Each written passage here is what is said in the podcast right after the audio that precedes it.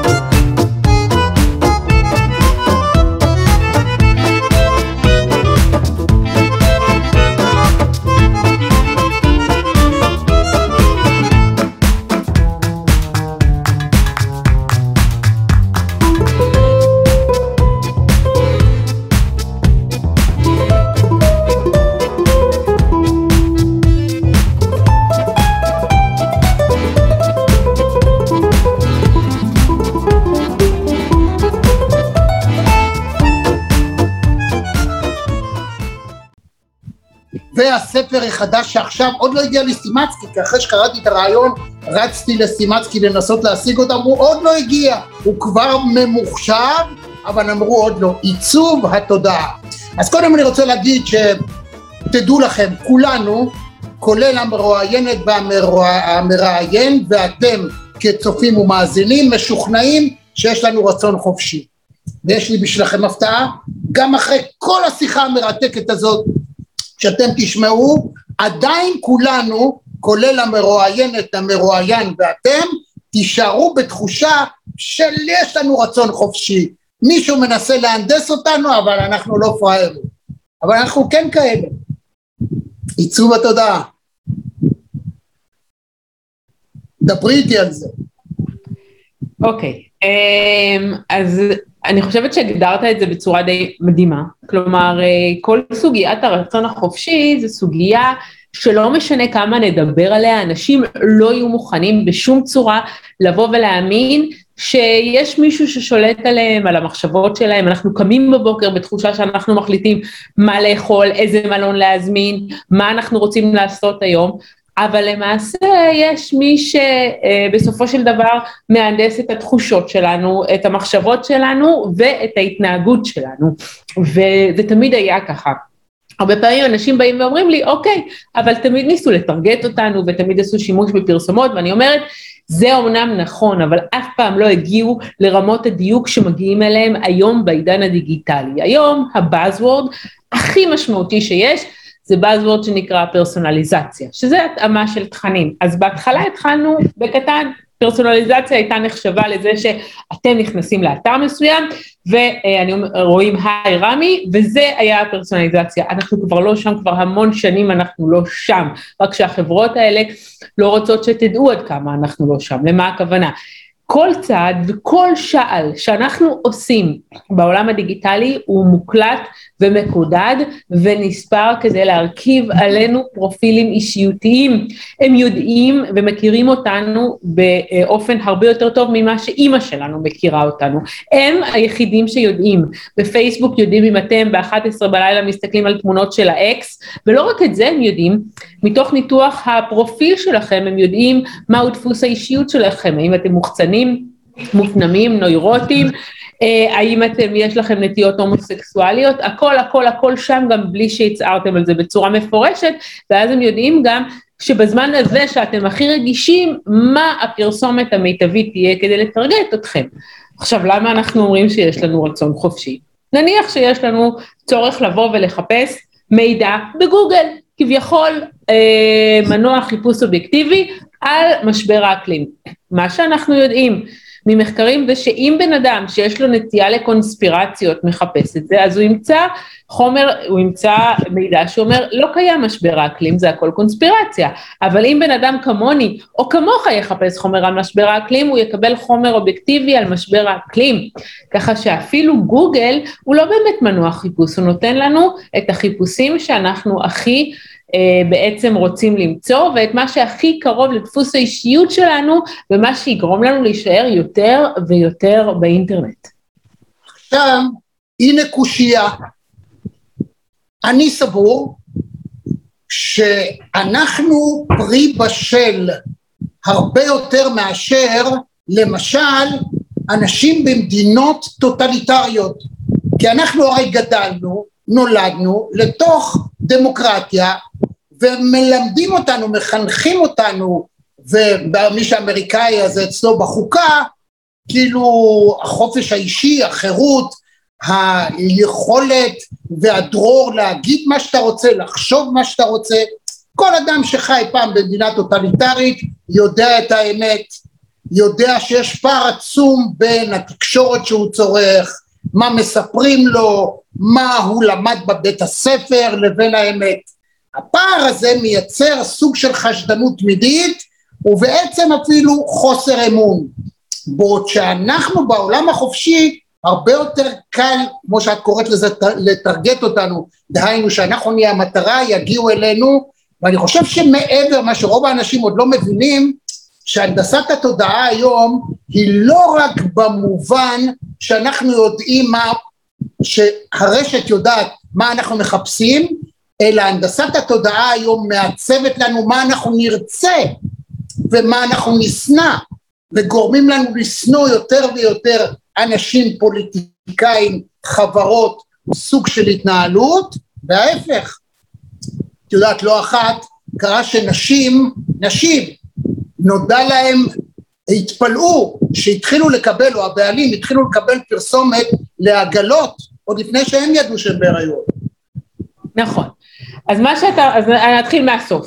אתה מזכיר פה את המקרה המאוד מפורסם של טארגט, ורק ככה לסבר את האוזן לכל קהל מאזיננו שלא מכירים את המקרה הזה, מכאן הכל התחיל. כשאני מדברת על פרסונליזציה, אז באמת מכאן הכל התחיל, ומאז זה רק הלך והשתכלל, אבל מה שאתה מתאר קרה לפני משהו כמו 25 שנה. אה, אז רק תבינו עד כמה מקום היה לנו לבוא ולהשתכלל עם זה. אה, מה שהיה בטארגט זה שבאחד הסניפים של טארגט במיניאפוליס, אחד האנשים בעצם שהיה חבר מועדון קיבל קופונים אה, עבור הבת שלו על כל מיני מוצרים כמו טיטולים וכמו מגבונים בהנחות, כמו הקופונים האלה שאתם מקבלים בשופרסל למשל. והאבא מאוד מאוד כעס, כי הבת שלו הייתה סך הכל בת 16, והוא כל כך כעס, שזה לא עזב אותו, והוא הלך לבעל הסניף של טארגט, והוא נכנס לשם כרוח סערה, והוא בא ואמר, תגיד לי, מה אתה חושב לעצמך? מה, אתם מנסים להכניס לילדה בת 16 רעיונות לראש? מה עובר עליכם? זה פשוט חוסר אחריות, ובעל הסניף כל כך התנצל ולא ידע איפה לקבור את עצמו, התנצל איזה שלוש-ארבע פעמים באותה שיחה, הוא אמר, אני הולך לעשות בדק בית ולבדוק מה קורה אצלי בסניף, אני מבטיח לך שאני הולך לטפל בזה, אדוני. והוא באמת טיפל בזה, ואחרי שבוע הוא התקשר שוב, כי הייתה לו תחושה מאוד לא טובה, הוא הרגיש ממש לא טוב עם עצמו, אז הוא התקשר שוב לאותו אבא, ואמר לו, תקשיב, אני, אני כל כך מצטער, הסיפור הזה לא עוזב אותי, אני מרגיש שאני חייב לך עוד התנצלות, ואז האבא אמר לו, לא, לא, אני מתנצל, אני חייב לך התנצלות, כנראה קרו דברים בבית שלי שאני לא ידעתי מהם, ובאמת הבת שלו הייתה בהיריון. אבל עכשיו השאלה היא, אוקיי, עד כאן סיפור נחמד ומשעשע, אבל איך הוא ידע את זה? מה שקרה זה שבטארגט אה, נכנס אה, לעבוד אה, מקצוע חדש, שהיום אנחנו מכירים אותו, אבל אז הוא היה מאוד מאוד חדש, שנקרא מדען נתונים או data scientist. ומה התפקיד? איזה תפקיד שאפשר להגיע אליו מכל מיני תחומים, תחומים כמו סטטיסטיקה, מדעי המחשב, מערכות מידע, אבל המשותף זה שבעצם האנשים האלה יודעים לעשות מניפולציה על הדאטה ולייצר מודלים ניבויים. מה זה מודל ניבואי? זה אומר שאני מסתכל על נתונים מסוימים לגבי הבן אדם ואני יכול לנבא מה להציע לו כדי שבסבירות הכי גבוהה הוא יקנה אותו. אז מה שהם עשו, הם עקבו, עקבו, אני מרשה לעצמי להשתמש במילה הזאת כי זה מה שזה היה, אחרי נשים שנכנסו להיריון. היה להם נתונים על המון המון נשים בכל החודשים שבהן הן היו בהיריון, ואז מה שעושים מדעני הנתונים זה שהם מנסים לזהות דפוסים. שזה תחום מרתק, מה הכוונה דפוסים? הם שמו לב, למשל, שבטריסמסטר הראשון אנשים אה, פחות קונות אה, אה, בשמים עם ריח, הריח נורא לא נעים בהיריון, יש רגישות מאוד גבוהה לריחות, ואז פשוט אנחנו רואים pattern של לקנות דברים לא מבוססמים. אחר כך אנחנו רואים שיש אה, אבץ וברבל שהן קונות, אחר כך אנחנו רואים שבחלק השלישי יש המון קרמים והמון טיפוח עצמי, ולקראת הסוף אה, הן מתחילות לחפש גם תיקים להיריון וכל מיני אה, ביגוד שמשתנה. והם ראו שהפאטרן הזה נכון לא לאחת שתיים, ראו ש-75% מהאנשים ראו אצלם בדיוק אותו דפוס, מה זה אומר? זה אומר שבפעם הבאה אם מישהי גם תקנה אבץ וגם תקנה את התיקים וגם אה, תקנה אה, חומרים נטולי ריח, אז כבר אני יכולה בסבירות של 80 ומשהו אחוז להבין שהיא כנראה בהיריון, הסיכוי שאני אצדק הוא יותר גבוה מהסיכוי שאני אטעה, אז למה לי לא כבר עכשיו, זה בדיוק הזמן שהיא הכי רגישה להציע לה מוצרים, וככה הכל התחיל, ובעצם היכולת שלנו לבוא ולזהות דפוסים. עכשיו, לגבי איך שאתה התחלת את השאלה הקודמת, אתה העלית פה נקודה שהיא מהותית, היא מאוד מאוד חשובה, הנקודה היא, אוקיי, אז אנחנו יודעים מגיל קטן שכל הזמן מופעלים עלינו מניפולציות. זה היה נכון עד שהגענו לדיגיטל, כי בדיגיטל הם מתנהגים המהנדסים הרבה יותר בחוכמה.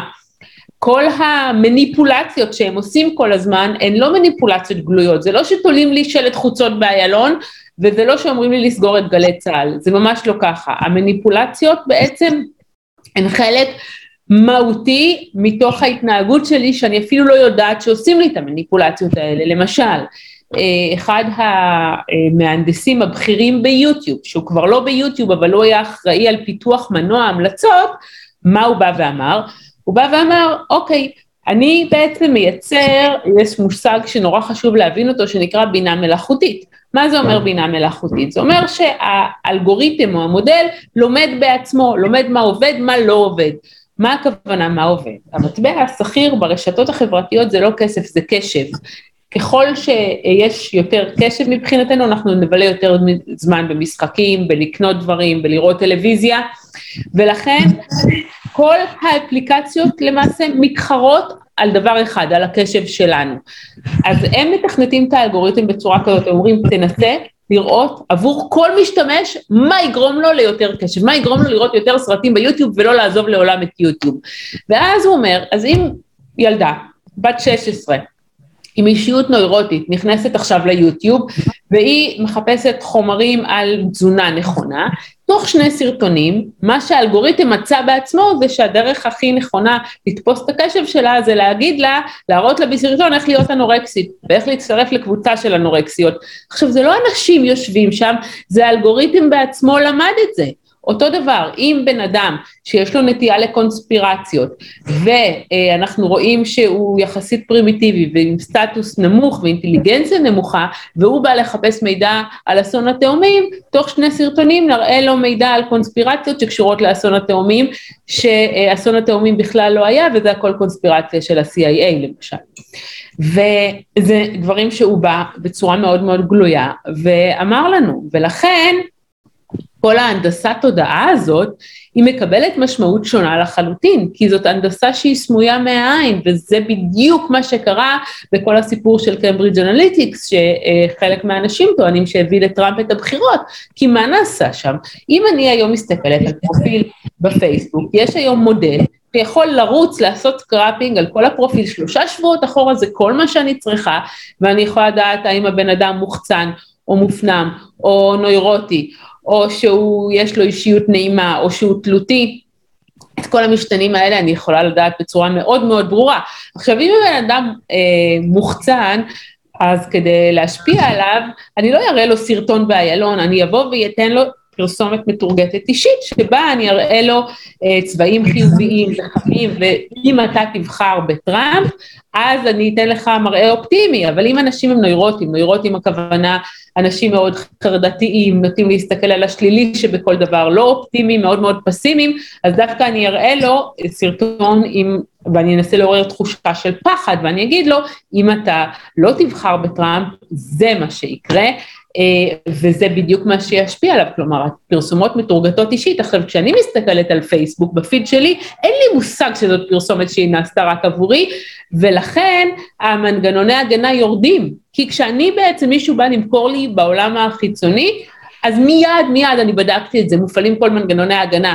מסתבר שבעולם הדיגיטלי אין שום מנגנוני הגנה והרבה יותר קל לי להגיע לכל מי שאני רוצה להגיע, בלי שהוא בכלל ידע ידע שאני הולכת uh, לטרגט אותו. ואני חושב שזה אפילו עוד יותר חמור. מדוע? מפני שאם לאדם יש נטייה לנוירוזה, הוא אדם פסימי או אופטימי, הרי שהאופן שבו הוא יקבל את המידע יעצים באופן שקשה אפילו להאמין את ההתנהגות שלו, את תפיסת העולם שלו, כי הוא יקבל אך ורק מידע התואם את אישיותו.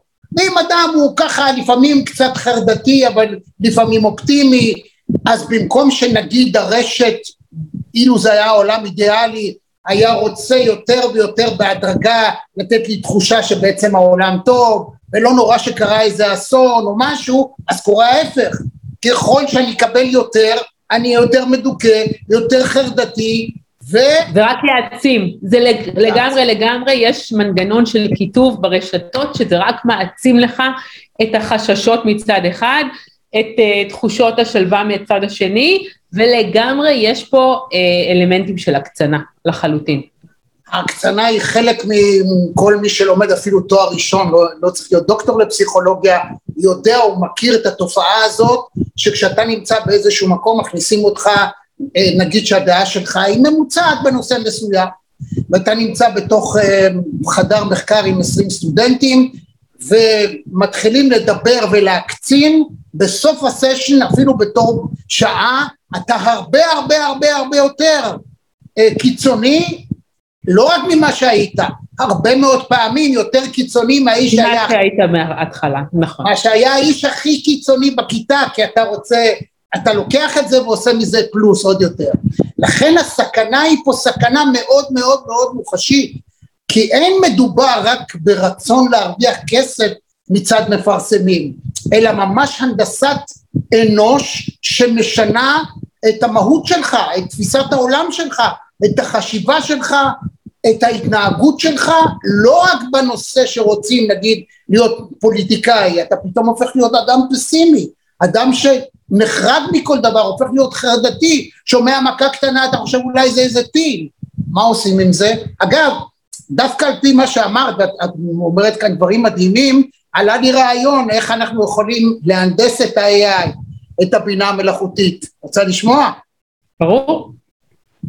מה אמרת לי? אמרת לי, רמי, תראה, תוך שלושה שבועות מספיק להם כדי לדעת. אז אם אתה רוצה לרמות את ה-AI, מה שצריך לעשות, במשך שלושה שבועות, תשקר את הפייסבוק. אפילו שאתה הכי הכי הכי פסימי, תתחיל לראות דברים אה, אופטימיים. עכשיו איך אתה יכול להראות את זה או לראות את זה? הואיל והפיד לא ייתן לך, תתחיל לחפש או ממש כאילו לבקש, לטרגט או בגוגל דברים אופטימיים, דברים שאתה רוצה להיות, תחליט מה אתה רוצה להיות, מה הרעיון הכי גדול, וזה אני אומר בתור trainer NLP, אז אם אנחנו יושבים ועושים את אותם תהליכים, ואתה רוצה להיות, לא יודע מה, האיש הכי נחמד והכי זה, תתחיל לחפש את זה, ותתחיל לחפש ולהאזין, ובמשך אחרי שלושה שבועות, הבינה המלאכותית המתייחסת אליך, פתאום תתחיל להראות לך דברים אחרים, מה דעתך?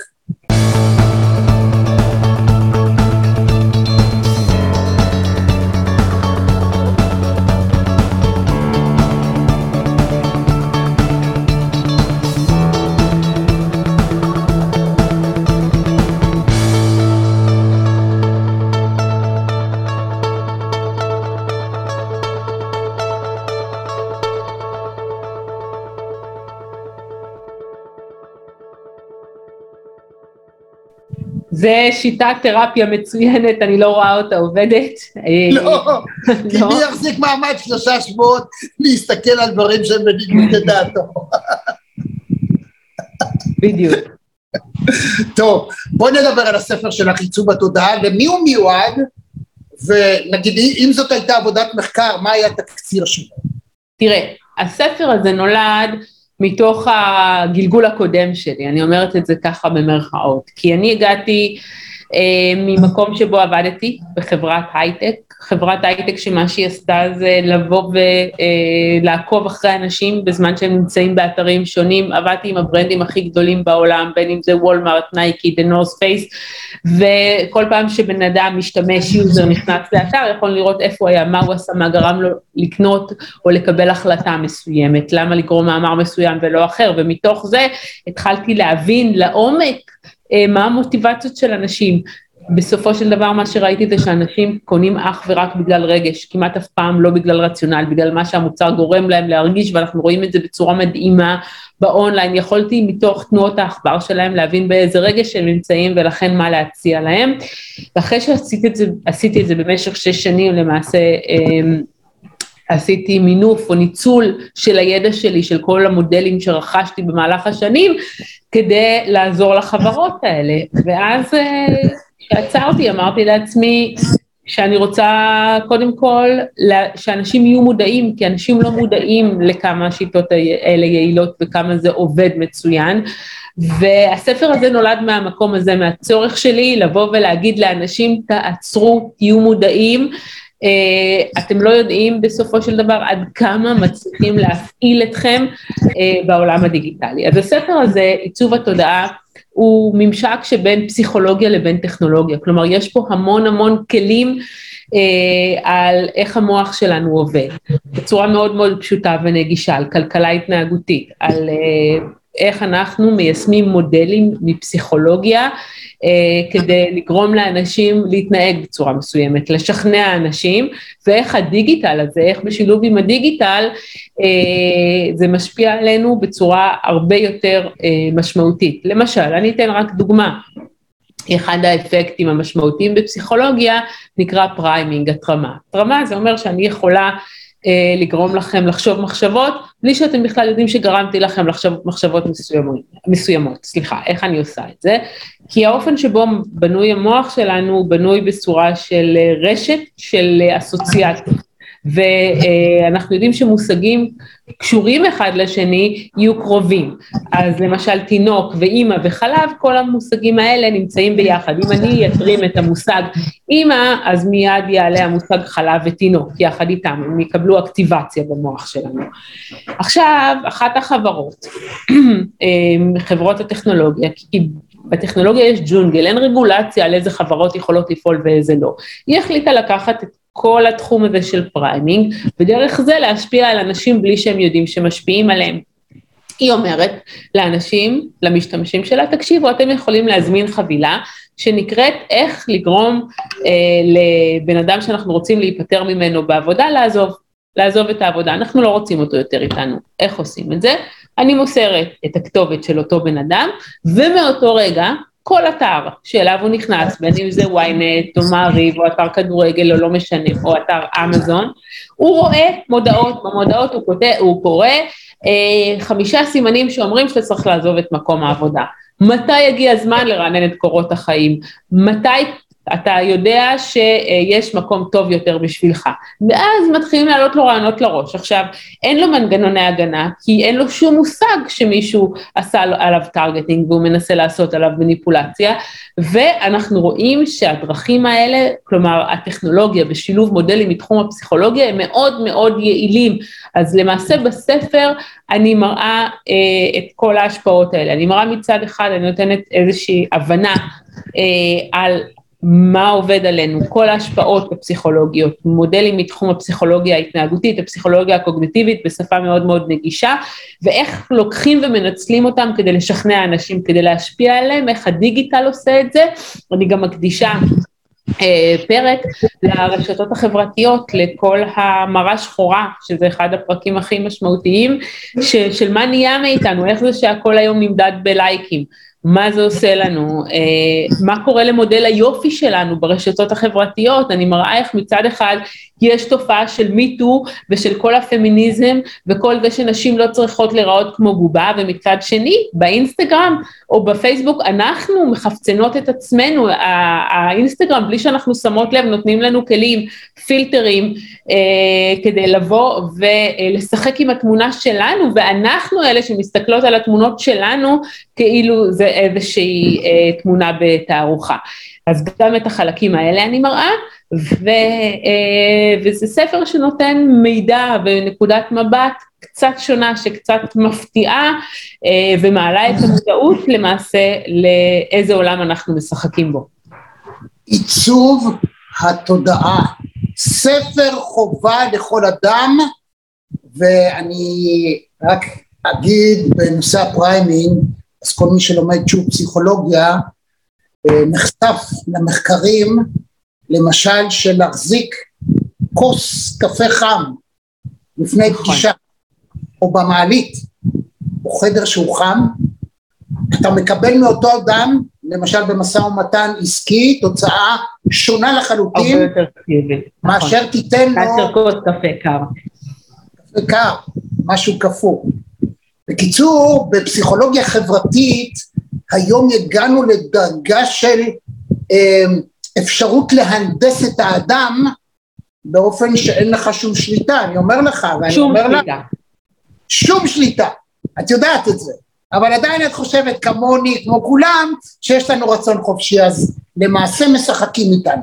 עכשיו, איפה יש ניצנים ראשונים של רצון לעזור לנו בתחום הזה? למשל, ייאמר לזכותה של אפל, למי שיש לו אייפון ולא אנדרואיד, אומר לך, תשמע, מעכשיו, לפני שאתה, שאתה כותב מונח בגוגל לחפש, לפני שאתה לוחץ על לחפש, הוא אומר לך, אתה רוצה חיפוש אנונימי? אתה אומר כן.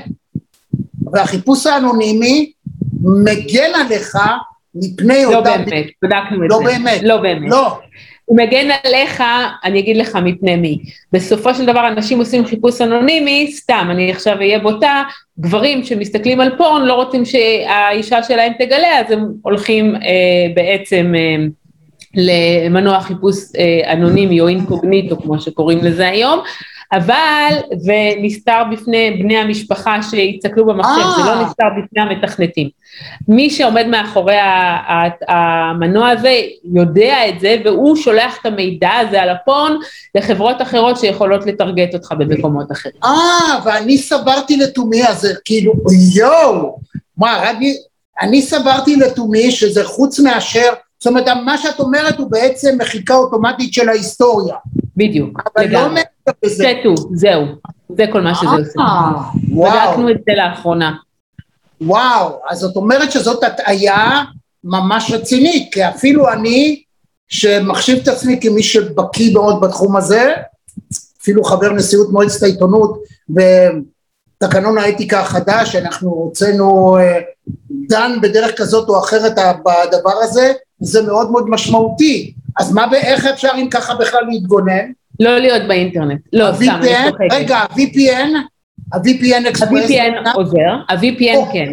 ה-VPN מצוין, אבל אנשים לא יתחילו, אם אתה שואל אותי, אנשים לא יתחילו להתעסק עם VPN, אנשים מאוד נוח להם, אפילו אני אגיד לך יותר מזה, אנשים נוח להם גם ששומרים עליהם את ה cookies, כי אז גם כל הסיסמאות שלהם נשמרות, דואגות החברות הטכנולוגיה לייצר את הנוחות המרבית מזה שהם ישמרו לנו cookies כדי שאנחנו אפילו לא נרצה למחוק אותו. הדרך היחידה היא באמת להבין שכל דבר בעידן הדיגיטלי, אני אגיד לך מה, עשינו מחקר, אני יודעת להגיד לך שאפילו האופן שבו אתה שומר אנשי קשר בוואטסאפ יכול לתת לי אינדיקציה על מידת היצירתיות והאישיות שלך.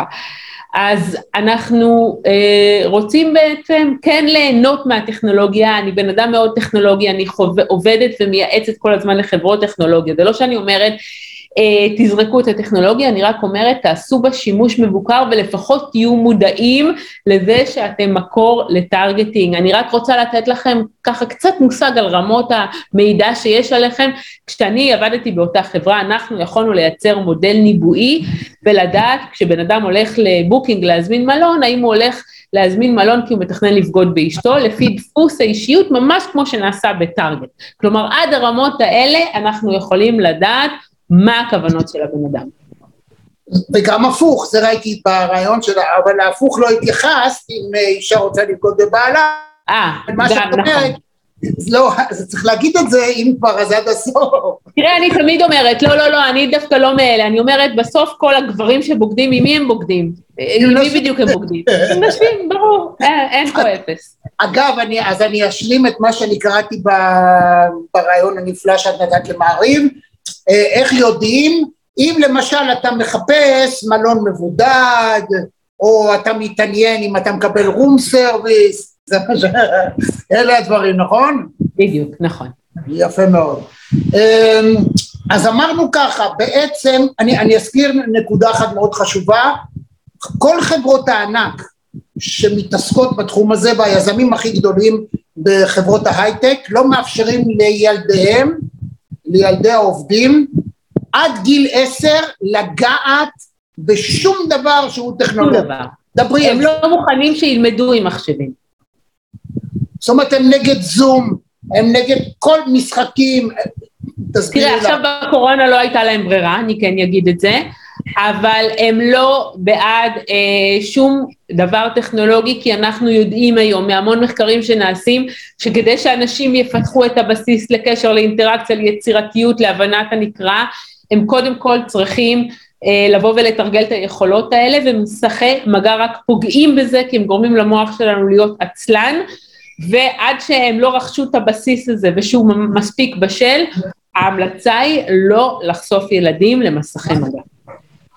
ויחד עם זאת אני אגיד שיש גם יתרונות במובן הזה שהילדים היום חיים ומדברים בשפה אחרת. א', שפת התמצות, היכולת להעביר רעיון ב-280 תווים או 400, כמה שלא יהיה, שהטוויטר הכפיל את זה, הוא מייצר מצב שבו אנשים לא אוהבים לקרוא משהו ארוך אבל יכולים, כדי שמישהו ירצה להעביר רעיון הוא צריך לדעת לתמצת אותו, הוא צריך לדעת להגיד משהו בשמונה עשר מילים ואנטר ונגמר, וזה מייצר גם אנשים הרבה יותר מתוחכמים, אני חייב להגיד.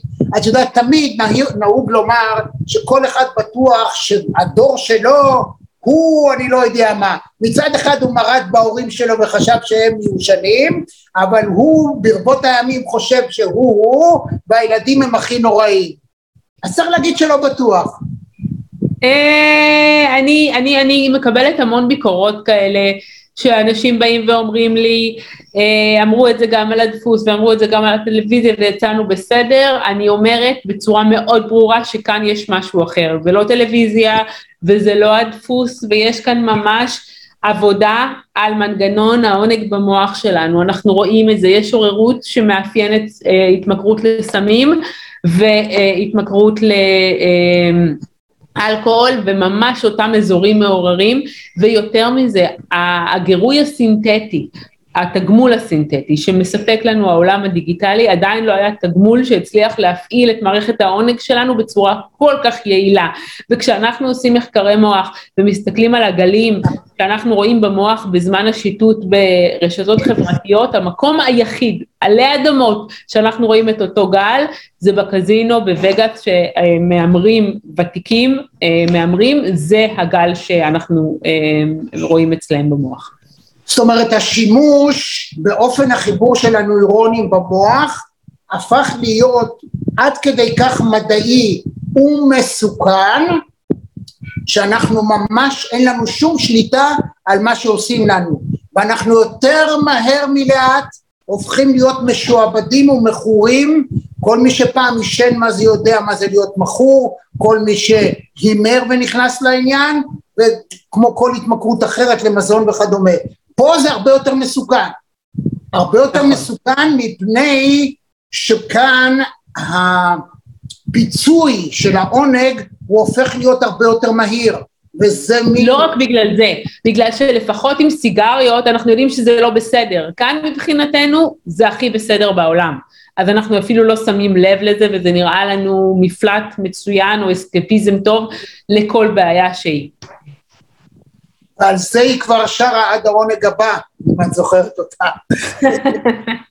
אז מה בכל זאת, בוא, בוא נסיים במשהו כזה אופטימי. אופטימי. אני תמיד מתבקשת לסיים בנימה אופטימית, אה, לפעמים זה קצת קשה, אבל אני אומרת שכן, שקודם כל, אה, אנחנו כבר רואים שבארצות הברית בסנאט יש כבר תהליך של רגולציה, של ניסיון להביא לחוקים מה אפשר, מה אי אפשר, בסופו של דבר השיח היום, השיח המרכזי הפוליטי מתנהל בטוויטר ובפייסבוק וצוקרברג הוא לא נבחר על ידי אף אחד אבל עדיין יש לו המון המון השפעה על דעת הקהל. לא לא הוא נבחר זה לא נכון מה שאת אומרת כי אם מיליארד בני אדם הם לקוחות שלו אז מיליארד בני אדם לחצו לא כפו על אף אחד להיות חבר בפייסבוק זה העניין שאנחנו לא מבחינתנו, אנחנו הולכים לפייסבוק ו- ואנחנו רואים בעצם מה שבצורה אובייקטיבית את העולם, אנחנו לא רואים, אבל זה לא נכון. האלגוריתמים מראים לי דבר אחד, לך דבר אחד, כל אחד על הטריגרים שאצלו עובדים הכי טוב.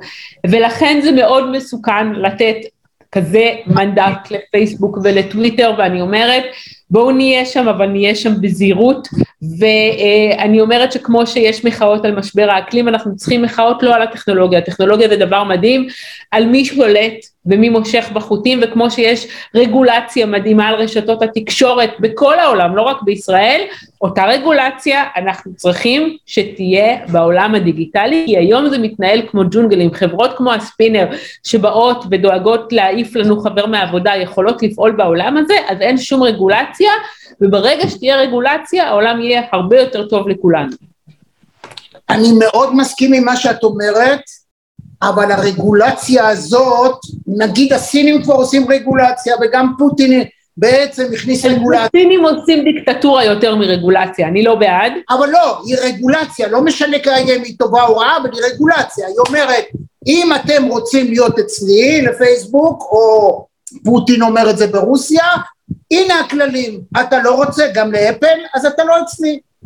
אז נכון. למעשה השלטון מכפיף במידה רבה מאוד את הרשת הזאת לצרכיו, אבל אולי, אני לא יודע, את תגידי, את הדוקטור לפסיכולוגיה, אולי עדיפה, אולי עדיף שהשלטון המרכזי יתמרן אותנו בהתאם לצרכים הלאומיים, החברתיים, מאשר שיבוא אחד כמו צוקרברג כשם כללי, לא חלילה משהו אישי נגדו. לגמרי, לגמרי.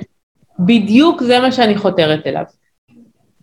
כלומר שכל ממשלה תיקח אנשים כמוך, למשל בעלי ידע מעמיק, ותגייס אותם לצורך... ותקים צוות חשיבה, מה מתאים לאותה מדינה, על מה אנחנו מוכנים ועל מה אנחנו לא מוכנים. אני רוצה להגיד משהו שיכול להיות קצת controversial, אבל אני לדעתי, וזה לא משנה בכלל באיזה עמדות פוליטיות אני מחזיקה, עצם זה שלקחו את טראמפ וניתקו לו את החשבון, אני חושבת שזו שערורייה שלא הייתה כדוגמתה, כי בסופו של דבר, מי זה מרק צוקרברג שיחליט לסתום לנשיא ארצות הברית את הפה? כלומר, זה לא צריך להיות דרכו, זה צריך להיות בדרך אחרת. הבעיה היא שהיום השיח המרכזי, שם הוא מתרחש, ולכן אה, אנחנו צריכים רגע לראות מהם הכללים הנכונים עבורנו, ולהכתיב אותם לענקיות הטכנולוגיה, ולא שהם יכתיבו לנו מה הן מוכנות ומה הן לא מוכנות. אז הנה תראי איך טראמפ גרם לך להגיד את מה שאמרת עכשיו, אחרי שהתברר שבארבע שנים הוא פרסם חמישים וארבעה אלף בלופים. לרשתות כבר אין דרך לסנן בזמן מתי הוא משקר, מתי לא, במיוחד כשהוא יושב על הברז והוא קובע מה נכון ומה לא נכון, והם אומרים, אתה יודע מה, נמאס לנו ממך, עזוב אותנו. וכשזה הגיע למצב של אלימות, שבשישה בינואר הארור ההוא הגיעו עד לכמעט שחטו שם את, את חברי הקונגרס, אמרו עד כאן, אתה משוגע, אנחנו לא רוצים אותך. זאת אומרת, הואיל ואת כדוקטור לפסיכולוגיה... תראה, ובמקרה של טראמפ זה היה נכון, אבל אני אומרת, מחר זה יהיה על מישהו אחר. שאני אומרת, זה לא למרק צוקרברג לקבוע אם זה נכון או לא. לא הוא קובע, הוא לא נבחר. נכון מאוד, אבל, חי... אבל זה כבר עניין של תפקידו של שלטון מרכזי בכל מקום, לייצר AI נגדי, שמיד יבוא ופייק יוז יוריד אותו. אבל אז מה שקורה שהשלטון קובע מה נכון ומה לא נכון, ואת יודעת שההיסטוריה תמיד נכתבת על ידי מי שהיה בשלטון ולא על ידי האופוזיציה. בסופו של דבר זה מעגל קסמים, ופעם היה מאמן כדורגל, אולי הכי גדול בישראל, שאמר כולם עובדים על כולם, ואני הוספתי כל, כל הזמן. הזמן. כל הזמן. אז מה, איך יצאנו מהרעיון המדהים הזה? באמת, אני, אני מחייב את כולכם, רבותיי, תקנו את הספר הזה. תקנו את הספר, תקראו אותו. אני יודע, זה משהו שאתם חייבים לדעת שהוא קורה, גם אם תמשיכו להאמין שישאר להם, לכם רצון חופשי, אבל דעו לכם מה עושים לכם ואיך מדרדרים את מצבכם, שזה הכי חמור. אגב, הזכרת את הטינדר של הזוגיות. רבותיי, לטינדר אין שום אינטרס שבאמת תמצאו מי שמשתמש ברשת הזאת. אין להם אינטרס שתימצא בת זוג. לכן הם כל הזמן מביאים לכם עוד ועוד ועוד, ואז אני כבר, אני לא הבנתי את זה אף פעם, אני נשוי הרבה מאוד שנים, אני נשוי שלוש פעמים, ראשונה, אחרונה ואחת יותר מדי, לא סתם. מעולם לא הסתכלתי בטינדר הזה, אבל אני, אני פוגש אנשים שהם יוצאים עם מישהי ומיד ממשיכים לחפש, וזה מה שהטינדר רוצה. הוא לא רוצה שתמצא בן זוג ותתחתן ותעזוב, לא, שתמשיך לחפש, ואז זה הורס לך את כל תפיסת העולם שנוגעת לזוגיות, לך ולך, שזה ממש חמור. זה ממש הורס... ועל זה אני באמת כותבת באריכות על המנגנונים ועל כל המניפולציות שטינדר עושה לנו, והיא ממש לוקחת אלמנטים מתחום הגיימינג, מתחום של משחקי מחשב, מכניסה אותם לטינדר וגורמת לאנשים לבלות שעות בפלטפורמה, ואנחנו רואים שהסטטיסטיקות בטינדר הולכות ונעשות שליליות יותר, כלומר רק אחד לחמישה עשר אנשים בכלל לא רק לא יוצא מפגש, יוצא מאצ'ינג, כי הם לא רוצים שיהיה מאצ'ינג. עכשיו, אף אחד לא חשב לפי מה אתם רואים את הפרופילים, הרי אתם לא רואים אותם בצורה רנדומלית. טינדר יש לה מודל מאוד סדור למי יתראה לכם ולמי לא, כדי לדאוג שמצד אחד תהיה לכם תקווה למצוא מישהו, להפיח בכם את המוטיבציה, ומצד שני תדאג שלא תצאו מהאפליקציה.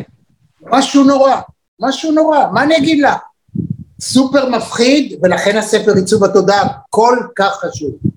דוקטור לירז מרגלית, היה כיף אדיר לדבר איתך. היה תענוג, תודה רבה. אני חושב, אני חושב שאנחנו צריכים להמשיך לדבר על, לקחת כל פעם אחד, אחד הנושאים שמופיעים בספר וממש לעשות איתו פרק נפרד. אתם מוזמנים לעשות לייק, להירשם כמנויים, זה יופיע בכל מרחבי, גם הפודקאסטים, גם ביוטיוב, גם בעניין מרכזי. לא לשכוח להיות איתנו גם בהמשך. תודה לך. תודה רבה. להתראות. להתראות. עד כאן מהדורה נוספת של מרכזי TV. אם היה לכם כיף, אם נהניתם, אנא לחצו לייק וגם על הפעמון כדי לקבל רמז על המפגש הבא שלנו. אני רמי יצהר, להתראות.